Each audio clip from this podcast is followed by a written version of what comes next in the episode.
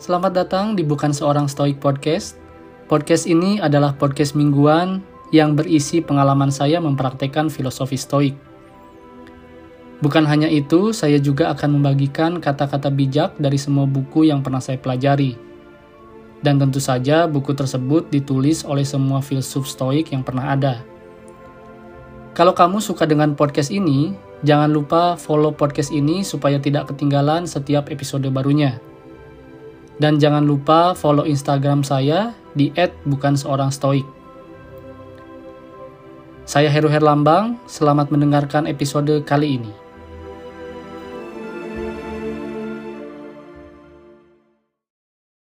Episode ketujuh dari Bukan Seorang Stoik Podcast dan ini adalah jurnal suara yang seperti biasa saya buat setiap minggu untuk mengevaluasi sejauh mana saya berani menghadapi ketidakpastian, menahan diri dari semua emosi dan keinginan, seadil apakah saya bersikap dan apakah saya sudah cukup bijak dalam menyelesaikan masalah hidup saya sehari-hari. Dan opening sentence tadi saya bikin dari empat virtue yang stoik pegang ya, yaitu courage, keberanian, temperance, menahan diri, justice, uh, keadilan, dan wisdom itu kebijaksanaan ya. Minggu ini di tempat saya udah mulai cukup dingin dan pagi-pagi itu bisa nyampe 0 derajat Celcius atau sekitar 31 derajat Fahrenheit gitu ya. Tapi eh, saya masih bisa lari gitu pagi-pagi. Itu adalah suatu pengalaman yang luar biasa gitu ya.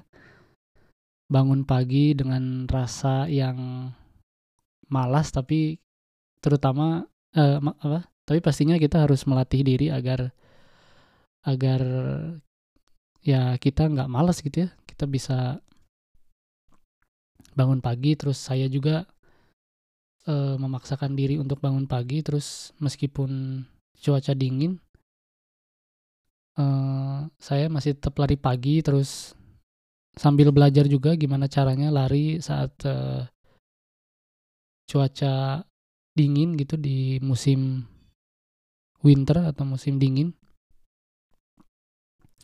Dan minggu ini saya sudah cukup uh, menaikkan target lari saya ya. Kemarin minggu kemarin itu saya masih lari sekitar satu mile setiap hari. Satu mile itu sekitar 1,6 kilometer gitu ya kalau nggak salah ya. Terus minggu ini saya udah naikin uh, lari saya jadi 2 mile per hari. Sekitar 3 ming eh 3 kilo kok 3 minggu. Sekitar 3,2 kiloan lah gitu ya. Dan saya terus memantau pace saya gitu ya atau tempo mungkin ya. Tempo lari saya itu kalau di aplikasi Nike Run Club itu sekitar 12 hari ini ya, hari ini tuh 12.46 per mile gitu ya. Ya gitu gitu cara bacanya. Pokoknya 12.46 per mile. Dan saya lari 2 mile itu tadi 24 menit. Ya udah lumayan improve gitu dari pertama saya lari di bulan Agustus. Terus dapat cedera di bulan September. Full satu bulan saya nggak lari. Terus bulan ini saya mulai lari lagi satu mile. Eh bulan kemarin ya eh ya maksudnya bulan ini ya bulan ini saya lari satu mile per hari terus sampai endurance saya udah baik terus kaki saya saya rasa juga udah cukup prima. Saya naikin target lari saya per hari jadi 2 mile gitu ya. Rasanya gimana? Rasanya wah asik banget gitu ya, ya itu menjadi suatu apa ya suatu kebahagiaan juga untuk diri saya sendiri gitu ya yang tadinya tuh saya nggak bisa menaklukkan diri saya ya, ya terutama kemalasan gitu ya. Tadinya saya nggak bisa menaklukkan kemalasan saya. Yang dari dulu memang saya tidak suka olahraga. Dan tiba-tiba sekarang saya suka olahraga gitu at least ya lari lah gitu ya. Dan bisa lari 3 kilo per hari itu udah rasanya udah cukup bangga gitu ya. Dan dan ya nggak butuh validasi sih sebenarnya cuman eh, ketika kita mengachieve sesuatu dengan kekuatan kita sendiri tanpa validasi atau tanpa semangat orang lain ya itu kita saya sendiri saya merasa bahagia gitu ya. Karena kan memang stoicism itu kan mengajarkan kita untuk melakukan segala sesuatunya dengan pikiran kita dengan motivasi kita sendiri dengan pilihan kita sendiri gitu hal-hal di luar itu ya tidak terpengaruh atau tidak akan mempengaruhi diri kita gitu kita semangat karena diri kita sendiri kita malas juga karena kita sendiri itu karena pilihan kita sendiri gitu ya. Nah minggu ini uh, itu tadi sedikit ulasan ulasan tentang pencapaian saya dalam berolahraga gitu ya.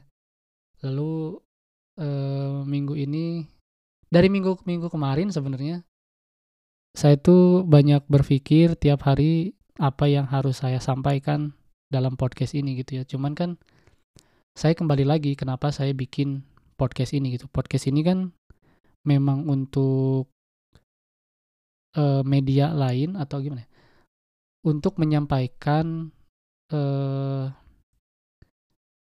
Oke, jadi gini. jadi stoicism itu uh, menyarankan kita untuk melakukan journaling setiap hari.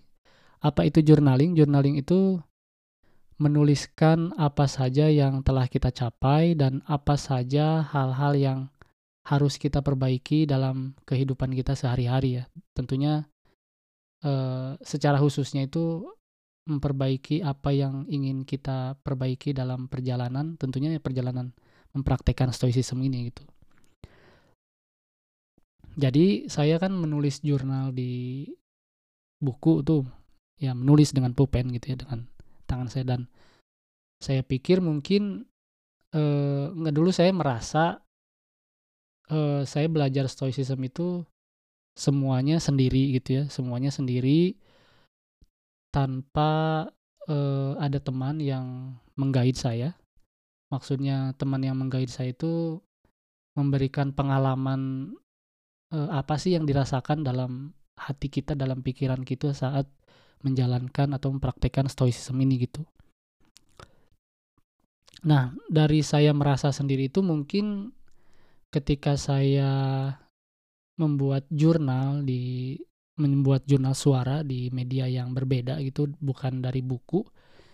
Mungkin teman-teman atau kamu yang mendengarkan sedang mencari-cari apa sih stoicism ini gitu, apa sih keuntungan dari stoicism ini dan bagaimana prosesnya gitu. Makanya saya bikin podcast ini gitu untuk uh, menemani atau uh, menjadi apa ya menjadi bahan pertimbangan untuk teman-teman atau kamu yang sedang mempelajari stoicism gitu untuk mencapai uh, joy mencapai tranquility uh, kebahagiaan dan ketenangan diri gitu ya Ya dan setiap minggu itu uh, sudah dua minggu ya saya bilang bahwa saya akan men mentreat uh, atau memperlakukan podcast ini sebagai pekerjaan saya. Makanya dua minggu kemarin tuh saya sedikit selalu berpikir untuk apa yang bisa saya berikan untuk pendengar, untuk kamu gitu dengan memberikan apa ya ya pokoknya saya berpikir memikirkan bagaimana caranya agar podcast ini benar-benar membawa atau memberikan manfaat yang lebih gitu dari dari dari sebelumnya gitu. Dan ini juga apa ya podcast ini juga sebagai latihan saya untuk uh, berbicara dan dan menyampaikan apa yang ada dalam pikiran saya gitu ya ya seperti yang kamu tahu mungkin kamu yang ngedengerin dari episode 1 bagaimana saya cara berbicara, bagaimana cara saya berbicara dan eh, bagaimana saya melafalkan sebuah kata-kata gitu ya. Semeraut memang. dan ini juga menjadi apa ya menjadi sebuah latihan gitu ya, latihan untuk bisa eh, menyampaikan apa yang harus disampaikan gitu. Nah, karena saya memikirkan bagaimana saya bagaimana saya bisa memberikan nilai yang lebih untuk ke podcast ini, saya mulai mencari-cari eh, bukan mulai mencari-cari, mulai merangkum apa yang saya baca, apa yang saya alami selama seminggu dan saya akan eh, menyampaikannya kepada kepada kamu gitu ya. Sebenarnya episode kemarin juga saya udah bikin skrip, udah ngikutin skrip, udah uh, ya udah dengan skrip cuman setelah saya evaluasi kayaknya kok maaf maaf uh, setelah saya evaluasi kok kayaknya sih bukan itu bukan diri saya gitu ya. Makanya saya ingin lebih apa ya lebih bisa untuk menjadi diri saya apa adanya gitu ya. Dan ya saya akan saya harus harus berlatih ya seperti seperti apa yang stoicism selalu ajarkan kita itu harus berlatih setiap hari setiap saat di mana pun gitu ya. Uh, to meditate to meditate. Meditate itu adalah fokus memfokuskan pikiran kepada diri kita pada saat ini gitu ya. Jadi kita tidak perlu mengkhawatirkan apa yang akan terjadi dan kita harus melupakan apa yang sudah terjadi gitu. Karena dalam stoicisme itu masa lalu adalah mati gitu. Jadi masa lalu itu sudah mati, tidak perlu diingat lagi dan masa depan itu adalah sebuah uh, misteri gitu ya dan kita tidak bisa tidak bisa uh, menerkanya atau meramalkannya apa yang akan terjadi gitu dan yang kita butuhkan itu ya yang kita perlukan cuman meditate atau fokus pada saat ini dan lakukan yang terbaik pada saat ini gitu ya. Nah minggu ini uh, juga banyak sekali yang yang saya pelajari gitu ya, terutama dalam pekerjaan gitu dalam pekerjaan yang sudah pernah saya bilang. Jadi saya itu kerja di restoran yang gaji pokoknya itu sekitar 400 dolar. Dan sisanya sisa penghasilannya itu dari uang tip yang diberikan oleh tamu gitu ya. Dan ketika kita tidak eh, ketika restoran saya bekerja itu tidak memiliki tamu yang banyak otomatis penghasilan saya juga menurun gitu. Dan ketika restoran itu rame, eh, lalu saya mendapatkan uang yang kecil, tetapi teman saya mendapatkan uang yang besar, itu adalah menjadi suatu tantangan gitu ya, tantangan untuk untuk saya berpikir jernih gitu, bagaimana cara saya untuk melatih pikiran saya biar jernih gitu karena restoran kecil. Apa nih yang yang harus ada dalam pikiran saya? Mungkin yang harus ada dalam pikiran setiap uh, stoik ya ya kejadian itu netral gitu. Kejadian itu cuma sepi nggak baik nggak buruk gitu. Dan itu sudah seharusnya terjadi gitu ya. Sudah seharusnya terjadi dan kita tidak boleh tidak boleh mengeluh tidak boleh sedih tidak boleh marah gitu dengan apa? Dengan cara kita eh, mengkontrol pikiran-pikiran yang tidak perlu seperti uh, misalkan kita saya sendiri melihat restoran itu sepi gitu ya saya tidak perlu memikirkan hal-hal yang buruk akan terjadi di masa depan misalkan oh ini pertanda resesi atau pertanda restorannya udah nggak laku misalkan ya. Nah itu tuh sebisa mungkin dihilangkan gitu karena itu bukan bukan pertanda bukan bukan apa gitu. Itu cuman ya memang hari itu atau minggu ini ya sepi aja gitu. Tidak tidak ada pertanda apa-apa dan tidak menandai apa-apa gitu. Dan beberapa hari memang sepi banget ya, jadi penghasilan saya memang turun, tapi uh, saya sudah bisa saya bisa bisa dibilang saya sudah bisa melatih pikiran saya untuk tidak memikirkan uh, berapa uang yang saya dapat, tapi memikirkan bagaimana caranya saya memberikan pelayanan yang prima kepada tamu-tamu saya gitu. Dan ketika tidak ada tamu ya bagaimana caranya saya harus tetap bekerja melakukan pekerjaan lain, misalkan beres-beres, bersih-bersih uh, tempat kerja saya gitu ya.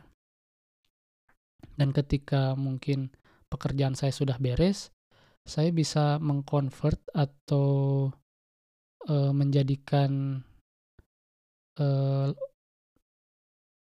saya menjadikan kesempatan waktu luang karena tidak ada tamu untuk membaca buku gitu untuk untuk mengisi pikiran saya agar tetap positif gitu ya. Membaca buku yang yang yang saya ingin pelajari gitu ya terutama ya tentang stoicism gitu.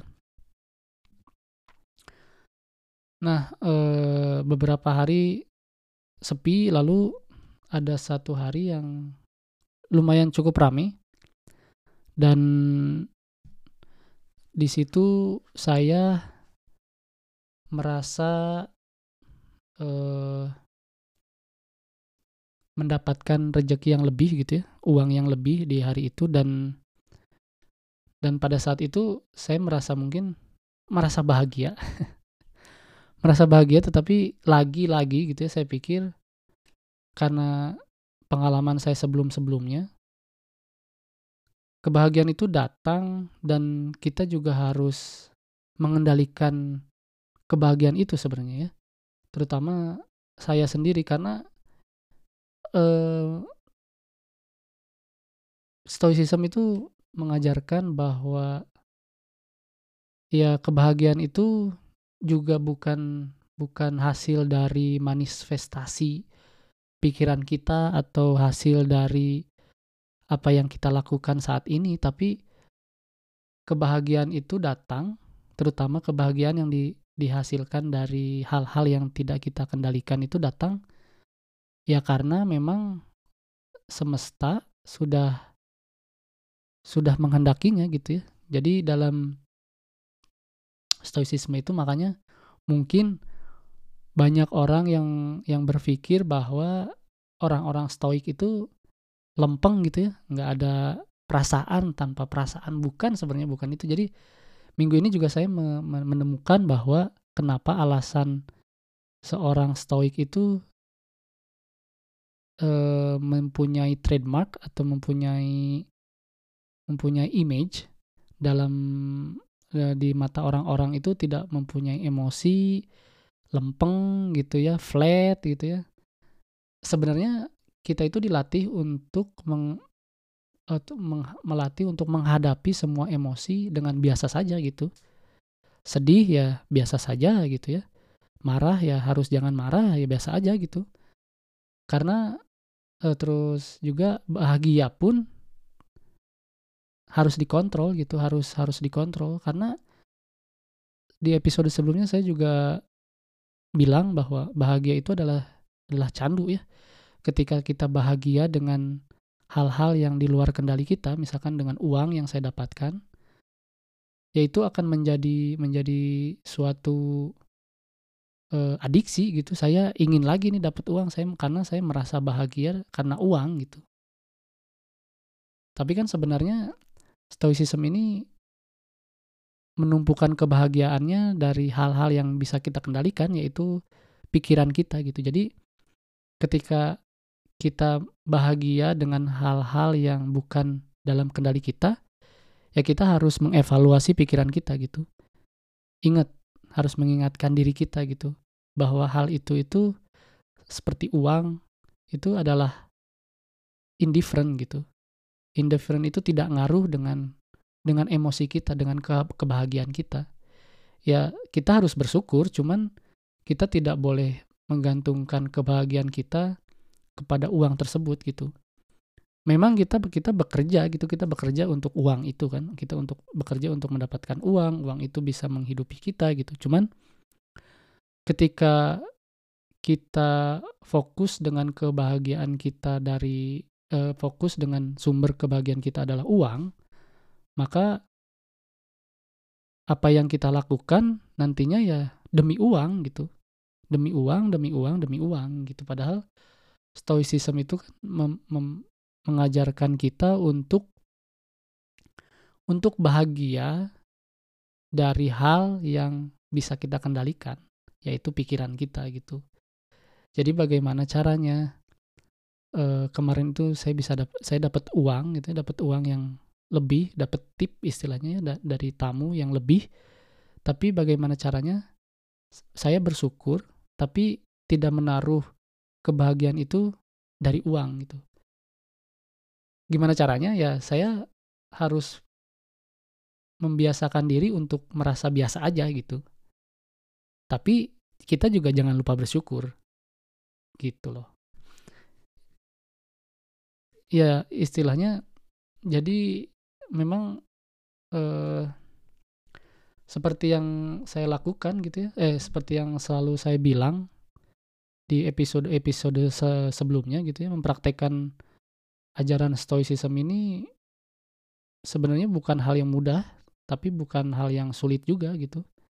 Karena e, kita harus melatih pikiran kita setiap saat itu di mana pun dan dan kapan pun gitu ya. Dan banyak orang menanyakan kenapa kita harus melatih pikiran kita gitu. Ya karena yang selalu saya bilang juga dan kamu juga akan menemukan di di setiap buku tentang stoik ataupun influencer-influencer stoik gitu ya. Ya pikiran kita itu adalah satu-satunya hal yang bisa kita kendalikan gitu. Pilihan kita terus keinginan kita terus kayak desire gitu, ke desire tuh apa ya? hasrat untuk mendapatkan sesuatu itu pilihan kita gitu.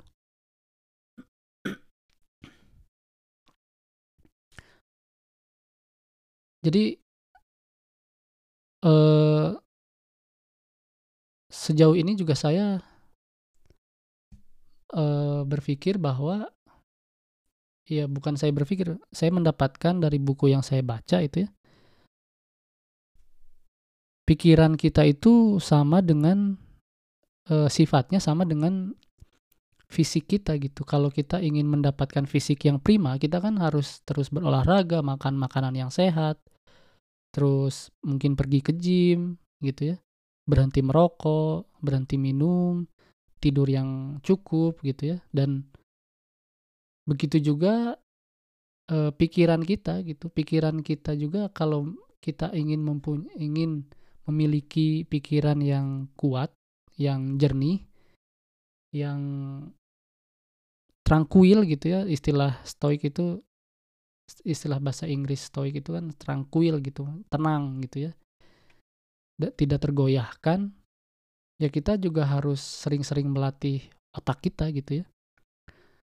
E, dengan cara e, maksudnya untuk mendapatkan fungsi pikiran yang yang yang sesungguhnya gitu. Lalu pertanyaannya lagi adalah apa sebenarnya fungsi pikiran yang ingin stoicisme, stoicisme capai gitu ya? Yang ingin stoicisme capai itu adalah agar pikiran kita bisa memberikan judgement ya atau penilaian terhadap suatu hal yang yang kita alami gitu ya, peristiwa yang kita alami terutama peristiwa yang di luar kendali kita dengan benar gitu, dengan benar dan supaya e, pikiran kita itu tidak membohongi pikiran kita sendiri gitu loh. Kadang kan e, kita sendiri gitu kadang misalkan nih lagi hujan nih. Kemarin nih saya juga ngedenger dari dari teman saya di di kerjaan gitu. Lagi hujan nih, kayaknya enak bikin Indomie gitu kayaknya makan Indomie enak nih hujan-hujan nah itu itu adalah salah satu contoh pilihan kita gitu, pilihan pikiran kita gitu. Itu tuh nggak nggak tiba-tiba muncul sebenarnya, nggak tiba-tiba muncul pengen ini, itu kan pilihan kita. Kita memilih untuk memikirkan Indomie itu enak disantap pada saat hujan gitu. Dan kita tuh memilih untuk merasa bahagia kalau Indomie itu dimakan pada saat hujan gitu. Sebenarnya kan itu biasa saja gitu. Pas kita makan ya biasa aja gitu. Itu cuman cuman cuman pikiran kita doang yang bilang bahwa Indomie itu enak dimakan pada saat hujan. ya, itu adalah adalah salah satu contoh dari uh, dari pikiran atau pilihan yang yang yang kita pilih sendiri lalu kita melakukannya gitu mem, mem, mem, reaksi mereaksikannya. Jadi aksi dan reaksi ya istilahnya. Ya pokoknya. Pokoknya begitu ya. Uh, jadi itu adalah salah satu contoh bagaimana kita memilih atau melakukan sesuatu karena pilihan kita sendiri. Gitu.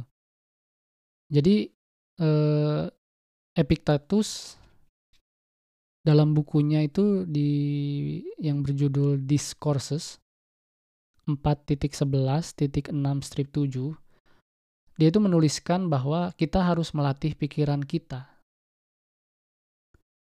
Nah, si uh, Epictetus ini kalau kamu yang belum tahu gitu yang baru masuk ke dunia stoicisme, Epictetus ini adalah seorang filsuf mantan budak di di pada saat kerajaan Romawi. Dia menjadi budak sekitar 30 tahun, lalu setelah itu dia e, dibebaskan atau menjadi orang yang bebas gitu ya. Dan kemudian dia menjadi guru filsuf yang guru filsafat terutama filsafat stoicisme yang cukup maaf yang cukup terkenal gitu ya. ya sangat terkenal bisa dibilang ya sangat terkenal dan e, buku-bukunya dijadikan rujukan cara-cara untuk meraih kebahagiaan ala stoicisme gitu ya dan dia juga yang yang yang memperkenalkan ke dunia modern karena uh, kenapa saya bilang dia yang memperkenalkan ke dunia modern? Karena uh, stoicisme uh, atau orang-orang stoik filsuf-filsuf stoik sebelum dia itu uh, buku-bukunya tidak tidak terpreserve gitu ya tidak apa ya, tidak terawat sehingga hilang dan kita tidak bisa membacanya kita hanya bisa mendengarnya dari orang-orang yang yang menceritakan filsuf-filsuf stoik sebelumnya itu dari mulut ke mulut gitu. Nah, Epictetus ini terkenal dengan kata-katanya yang itu, some things are up to us and some things are not up to us. Nah, itu kalau kamu pernah dengar kata-kata itu itu Epictetus yang yang yang mengatakannya gitu dikutip dari bukunya Epictetus gitu ya.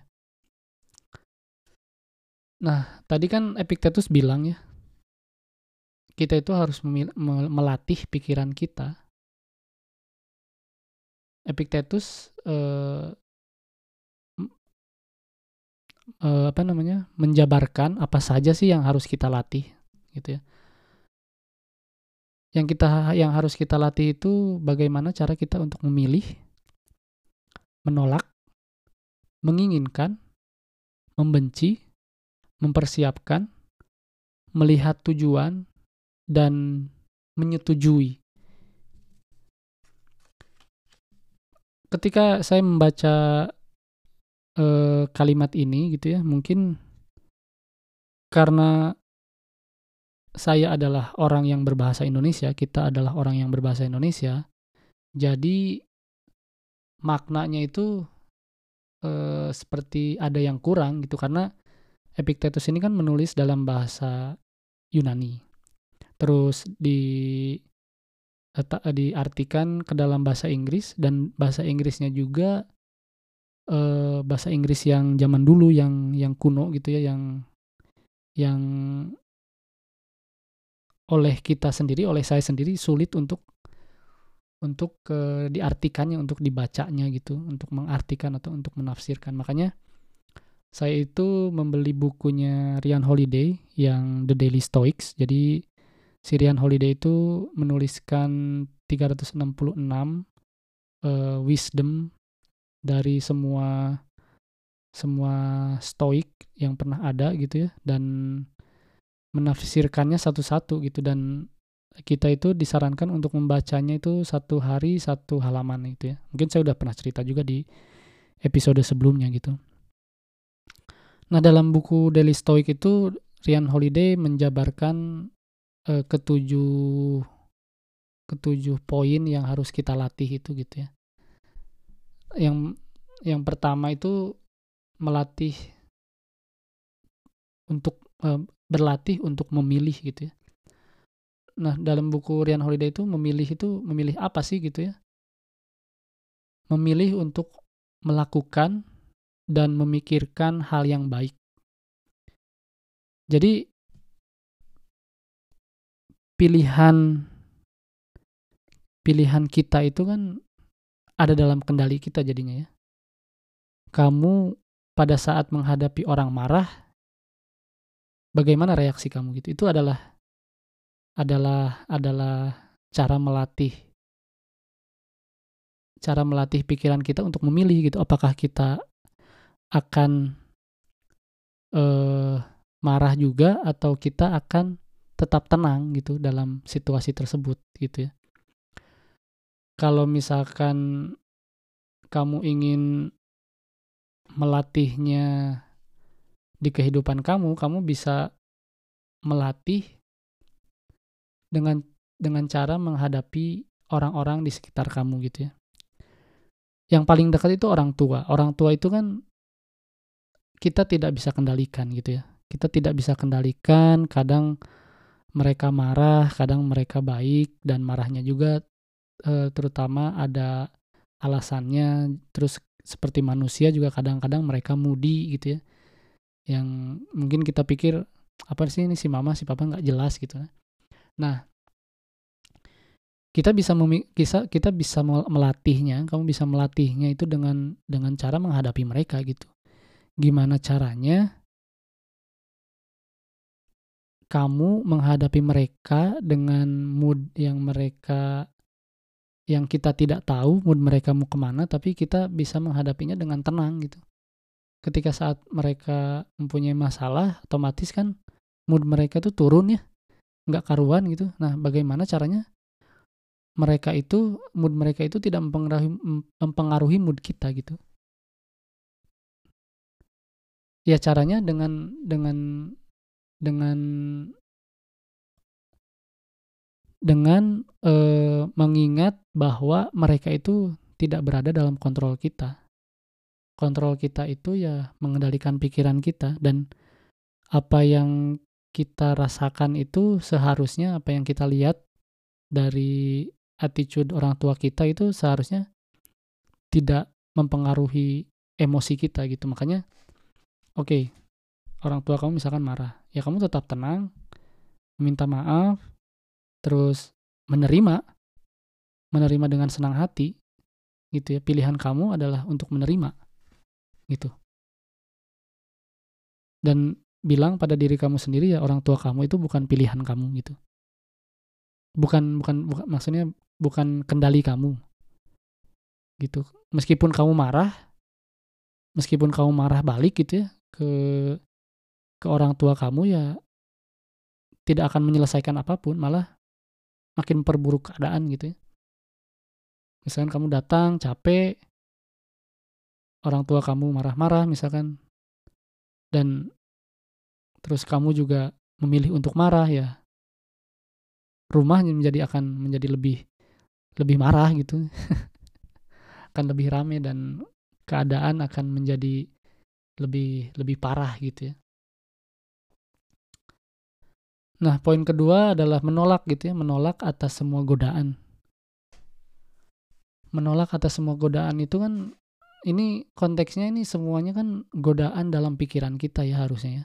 Jadi ketika kita merasakan ada ada apa ada dorongan untuk untuk uh, spending uang atau memboros-boroskan uang dengan hal-hal yang tidak perlu ya kita harus harus segera menolaknya gitu ya. Ketika ada dorongan kita untuk marah ya kita harus cepat-cepat menolaknya dengan memperbaiki uh, penilaian kita terhadap peristiwa yang sedang kita hadapi gitu.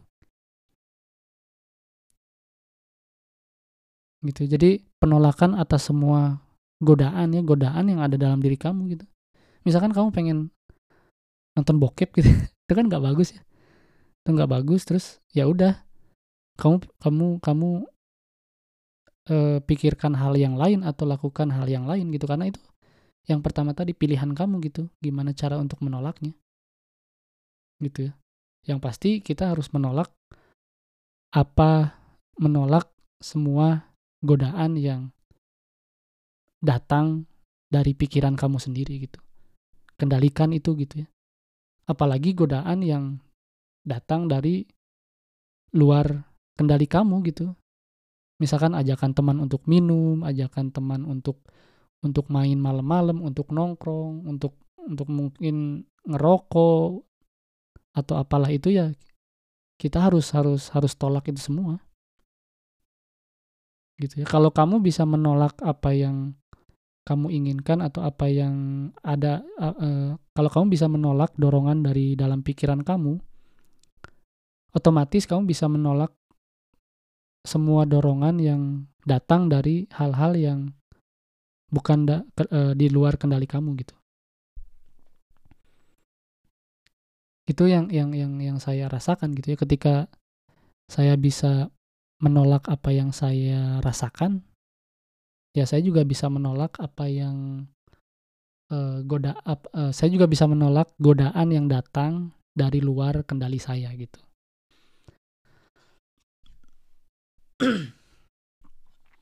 selanjutnya kita harus harus berlatih untuk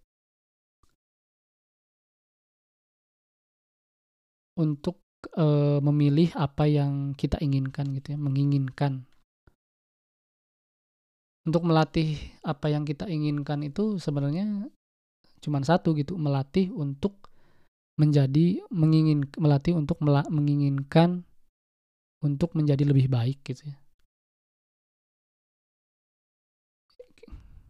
ya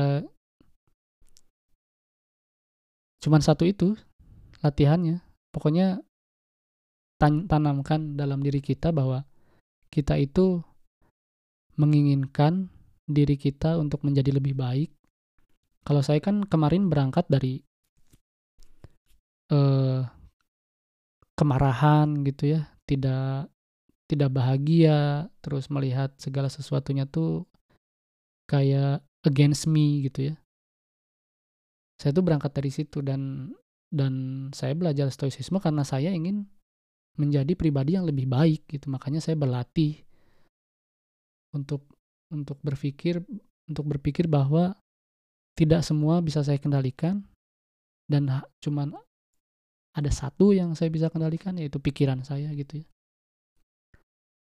Nah, lalu kita juga harus berlatih untuk membenci ya. Membenci ini maksudnya membenci apa sih gitu? Membenci atas ketidakbaikan gitu ya, pengaruh buruk dan segala sesuatu yang buruk. Ya ini juga salah satu e, sama dengan istilahnya ya sama lah dengan menolak gitu ya.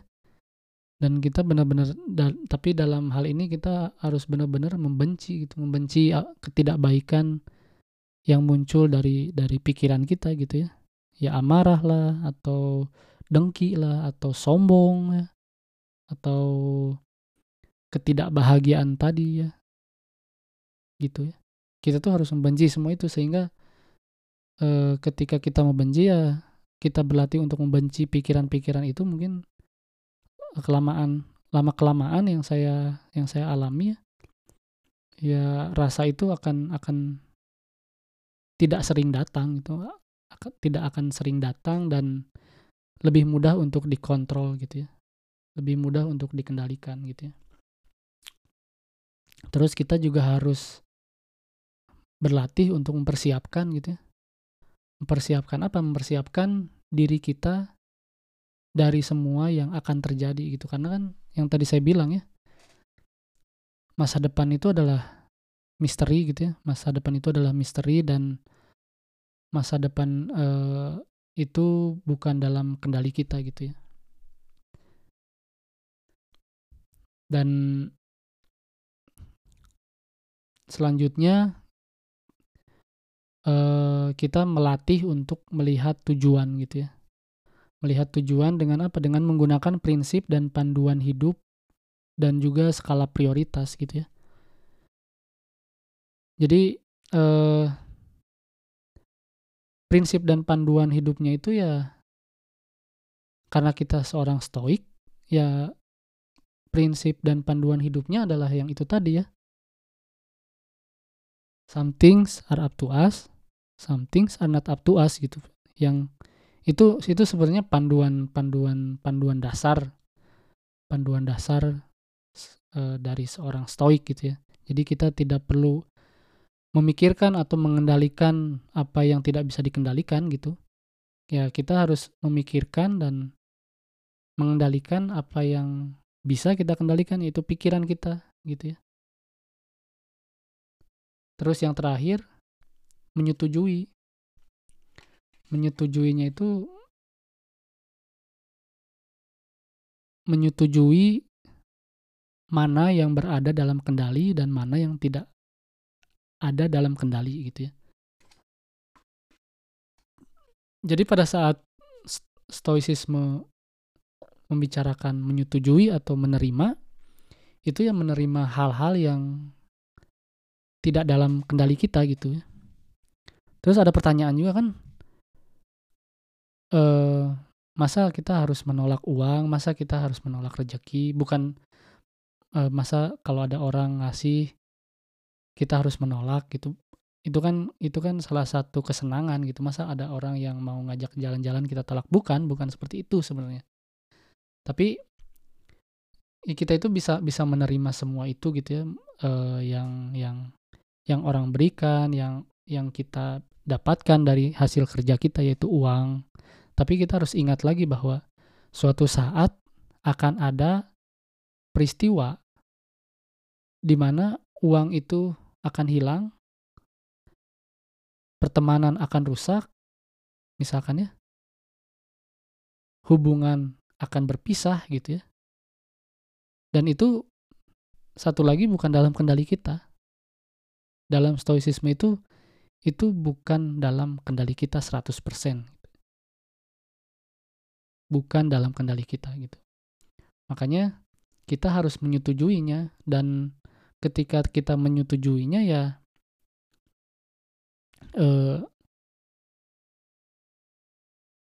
kita akan bisa merasa lebih tenang dan dan bahagia gitu ya dan bahagia maaf ini omongan saya sebenarnya udah udah ke mana-mana saya agak sedikit sedikit eh, ngantuk gitu ya harusnya saya biasanya tuh eh, ngerekam itu setelah saya bangun tidur siang. Tapi hari ini karena saya harus kerja jam 3, jadinya saya memutuskan untuk merekam sebelum tidur siang gitu ya. Dari tadi mata saya udah udah, makanya maaf ya kalau misalkan omongannya ngaco saya saya saya coba untuk meluruskan lagi gitu. Itu tadi ya uh, tubuh kita itu bukan dalam kendali kita gitu ya meskipun kita mencoba untuk prima tapi ketika mata sudah mengantuk itu uh, kita sulit untuk menolaknya tapi ketika pikiran kita tetap fokus gitu apa yang kita kerjakan ngantuk itu akan hilang gitu ya tadi sedikit saya drifting gitu Terus uh, ya tadi ya menyetujui kebebasan untuk memilih yang mana yang berada dalam kendali dan mana yang tidak gitu. Ya gitu ya. Jadi uh, kita itu harus jadi dalam dalam uh, melatih pikiran kita gitu harus harus uh, kita harus melatih untuk melakukan untuk melakukan uh, tujuh poin tadi gitu ya. Yang pertama saya ulang ya memilih. Kita harus harus harus uh, berlatih untuk memilih, untuk menolak, untuk menginginkan, untuk membenci, untuk mempersiapkan, untuk melihat tujuan dan untuk menyetujui gitu ya. Dan setelah kita berlatih dengan tujuh hal yang tadi, apa yang harus kita lakukan misalkan e, kalau ada pertanyaan kayak gitu ya kita harus melakukannya secara berulang-ulang. Kita harus meripit atau mengulang terus mengulang gitu ya. Karena ketika kita tidak mengulangi uh, latihan kita dengan tujuh hal tersebut gitu ya, kita akan mendapatkan diri kita uh, terjebak dalam emosi yang salah gitu ya. Emosi yang salah, persepsi yang salah, judgement yang salah gitu. Karena memang hidup ini adalah uncertain ya. Jadi dalam stoicism ini hidup kita itu memang uncertain sekali gitu. Dan kita itu dituntut untuk berlatih agar kita siap. Agar kita siap menghadapi hidup yang uncertain ini. Uncertain uncertainty gitu ya. Dan kita harus menganggap setiap peristiwa itu sebagai bahan latihan kita gitu, bahan latihan pikiran kita. Kita tidak bisa memilih, kita kalau kamu ingin menjadi stoik, kamu tidak boleh memilih mana yang harus dijadikan bahan latihan, mana yang tidak perlu untuk dijadikan bahan latihan gitu. Setiap detik, setiap menit, setiap waktu itu adalah latihan kamu untuk menjadikan pikiran kamu itu menjadi stoik gitu menjadi tahu mana yang mana yang ada dalam kendali kamu mana yang ada dalam kendali kamu gitu. Dan ketika kamu berlatih terus menerus kamu akan siap. Kamu akan mendapatkan etimia itu gitu ya ketenangan tranquility itu. Jadi ketika kamu berlatih terus menerus ketika kamu dapat godaan baik dalam goda godaan yang datang dari pikiran kamu atau godaan yang datang dari luar kendali kamu, kamu akan meras akan tetap ya tranquil gitu, tenang aja udah. Nggak akan terpengaruh, nggak akan terpengaruh menjadi menjadi marah, menjadi emosi, menjadi sedih, menjadi bahagia. Bahagia dalam artian bahagia secara berlebihan.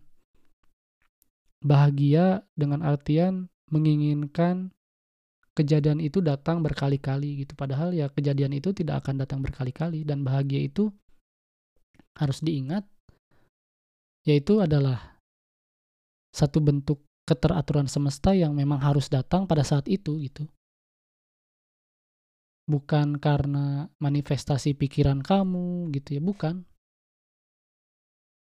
Dalam stoicisme itu yang yang saya alami itu tidak ada yang namanya tidak ada yang namanya uh, manifestasi pikiran gitu ya.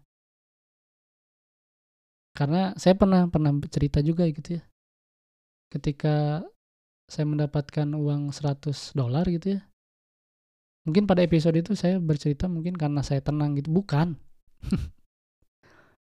Bukan. Karena karena 100 dolar itu ya memang harus datang kepada tangan saya pada hari itu gitu dan itu bukan hasil dari manifestasi pikiran saya, manifestasi kebaikan saya atau pelayanan prima yang saya berikan bukan. Karena memang kita harus melakukan itu terus-menerus gitu ya. Ketika kita melakukan itu terus-menerus, melakukan kebaikan terus-menerus, melakukan dalam pekerjaan pelayanan prima baik pada customer ataupun pada perusahaan gitu ya ketika datangnya akan ah, ketika hasilnya akan buruk yang kita terima yaitu adalah satu hal yang memang semesta kehendaki atau Tuhan kehendaki. Ketika ada hal yang baik datang kepada kita ya itu juga adalah salah satu yang Tuhan atau semesta kehendaki gitu jadi bila kita merasa pikiran kita sudah terlatih gitu ya maka sebenarnya kita itu harus berlatih lagi untuk menghilangkan tipuan itu karena ketika kita merasa oh saya sudah terlatih itu adalah tipuan pikiran kita gitu. Jadi kita itu harus berlatih lagi agar perasaan kita merasa terlatih itu tidak datang lagi gitu. Wah, misalkan contohnya wah uh, saya kayaknya udah terlatih nih, udah udah bisa menghadapinya segala sesuatu. Eh ternyata besok atau lusa atau detik berikutnya itu kamu marah. Ya itu kan pikiran-pikiran yang datang dari dalam diri kita yang yang membuat kita tuh sombong gitu ya. Wah saya udah melakukan hal yang terbaik, tapi nggak apa-apa. Itu kemarahan satu kali itu atau kemarahan ber, berulang-ulang kali juga pun sebenarnya tidak tidak merusak tidak merusak apa yang telah kamu pelajari. Kamu bisa bisa kembali lagi dengan apa yang yang stoicism ajarkan gitu ya. Bukan berarti kamu boleh marah bukan tapi ya kamu harus tetap berlatih makanya harus tetap berlatih untuk untuk menghadapi dunia yang uncertain ini gitu dan perasaan kita sudah terlatih itu adalah perasaan yang perasaan yang menipu perasaan kita gitu. Jadi pikiran pikiran-pikiran itu tuh kebanggaan semu dan kemenangan yang yang dibuat-buat sebenarnya kan. Yang dibuat oleh kita sendiri gitu.